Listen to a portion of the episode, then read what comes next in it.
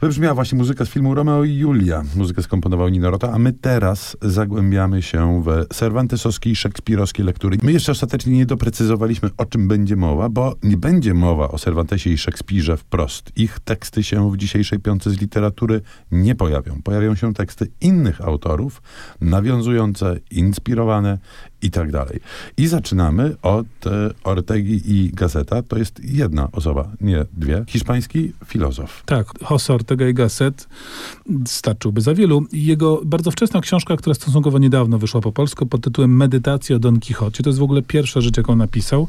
Ortega y Gasset miał taki plan, że napisze szereg medytacji, które będą poświęcone okolicznościom hiszpańskim, tym, co go szczególnie interesowało. Nie napisał nawet tej jednej do końca, bo medytacje o Don Quixote są e, niezakończoną e, całością. To jest rzecz, która no, jest dość poetycka, bardziej nawet literacka niż filozoficznie rygorystyczna, natomiast Don Quixote pojawia się w niej jako e, symbol e, hiszpańskości. To brzmieć może dzisiaj absolutnie banalnie, ale jednak banałem w owym czasie, a mówimy o drugiej dekadzie wieku XX, nie było, bo Don Quixote postrzegany był jako To, ale to klasyk. znaczy to, że on nie był czytany wtedy, czy właśnie... Nie, był czytany, tylko myślę, że utożsamiono go raczej z przeszłością, z historycznością, z tym, czym Hiszpania była, a nie tym, czym Hiszpania jest. Ortega y Gasset pokazuje, że patrzcie na Don Quixota, on jest zwierciadłem, w którym możecie się przejrzeć.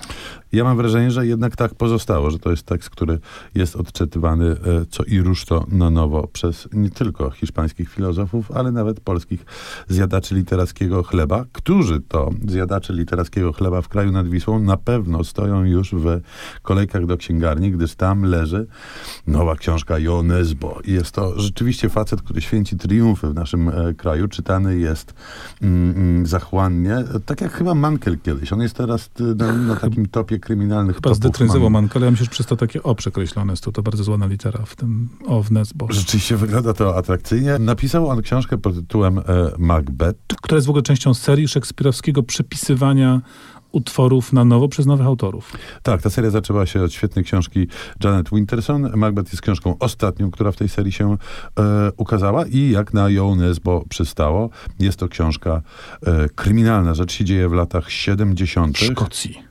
I tu jest taka sytuacja narkotyczna. Macbeth jest jedynym, wydawałoby się, niekorumpowalnym policjantem. E, wspiera go jego mm, partnerka życiowa e, Lady. Natomiast e, jak tylko w jego życiu pojawia się sława, uznanie i odrobina władzy, mm, rzeczy zaczynają się dziać no, nie najlepiej. Kręgu Ale o tym cichosza, może nie mówmy Cicho za wiele, bo to jednak jest kryminał. No to jeszcze dorzućmy w takim razie w tym pojedynku szekspirowsko-cervantesowskim punkcik po stronie Cervantesa. Trzymam w ręku wydaną przed parę laty książkę Andresa Trapiei, hiszpańskiego pisarza eseisty, która nazywa się Gdy umarł Don Quixote. Sequel to jest zjawisko absolutnie powszechne i masowe w dzisiejszej kulturze popularnej, głównie w filmie, ale w literaturze także. Natomiast rzadko się spotyka sequele takich klasyków jak Szekspir czy Cervantes, a pan Trapiejo takiego właśnie sequela napisał, bo to jest ciąg dalszy. To jest to, co dzieje się po śmierci e, Don Quixote. On umiera otoczony bliskimi osobami. dzieje? No, dzieją się różne historie, często miłosne.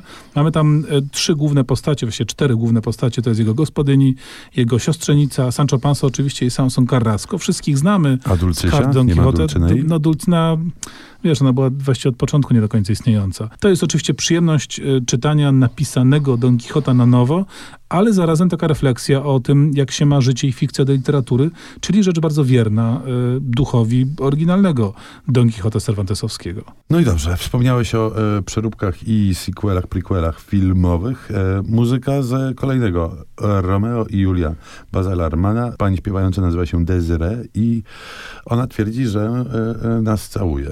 Utwór, a może nie nas, I'm Kissing You. Tak nazywa się ten utwór. Nie no, Szekspira całuje na. Szekspira. O. Tak.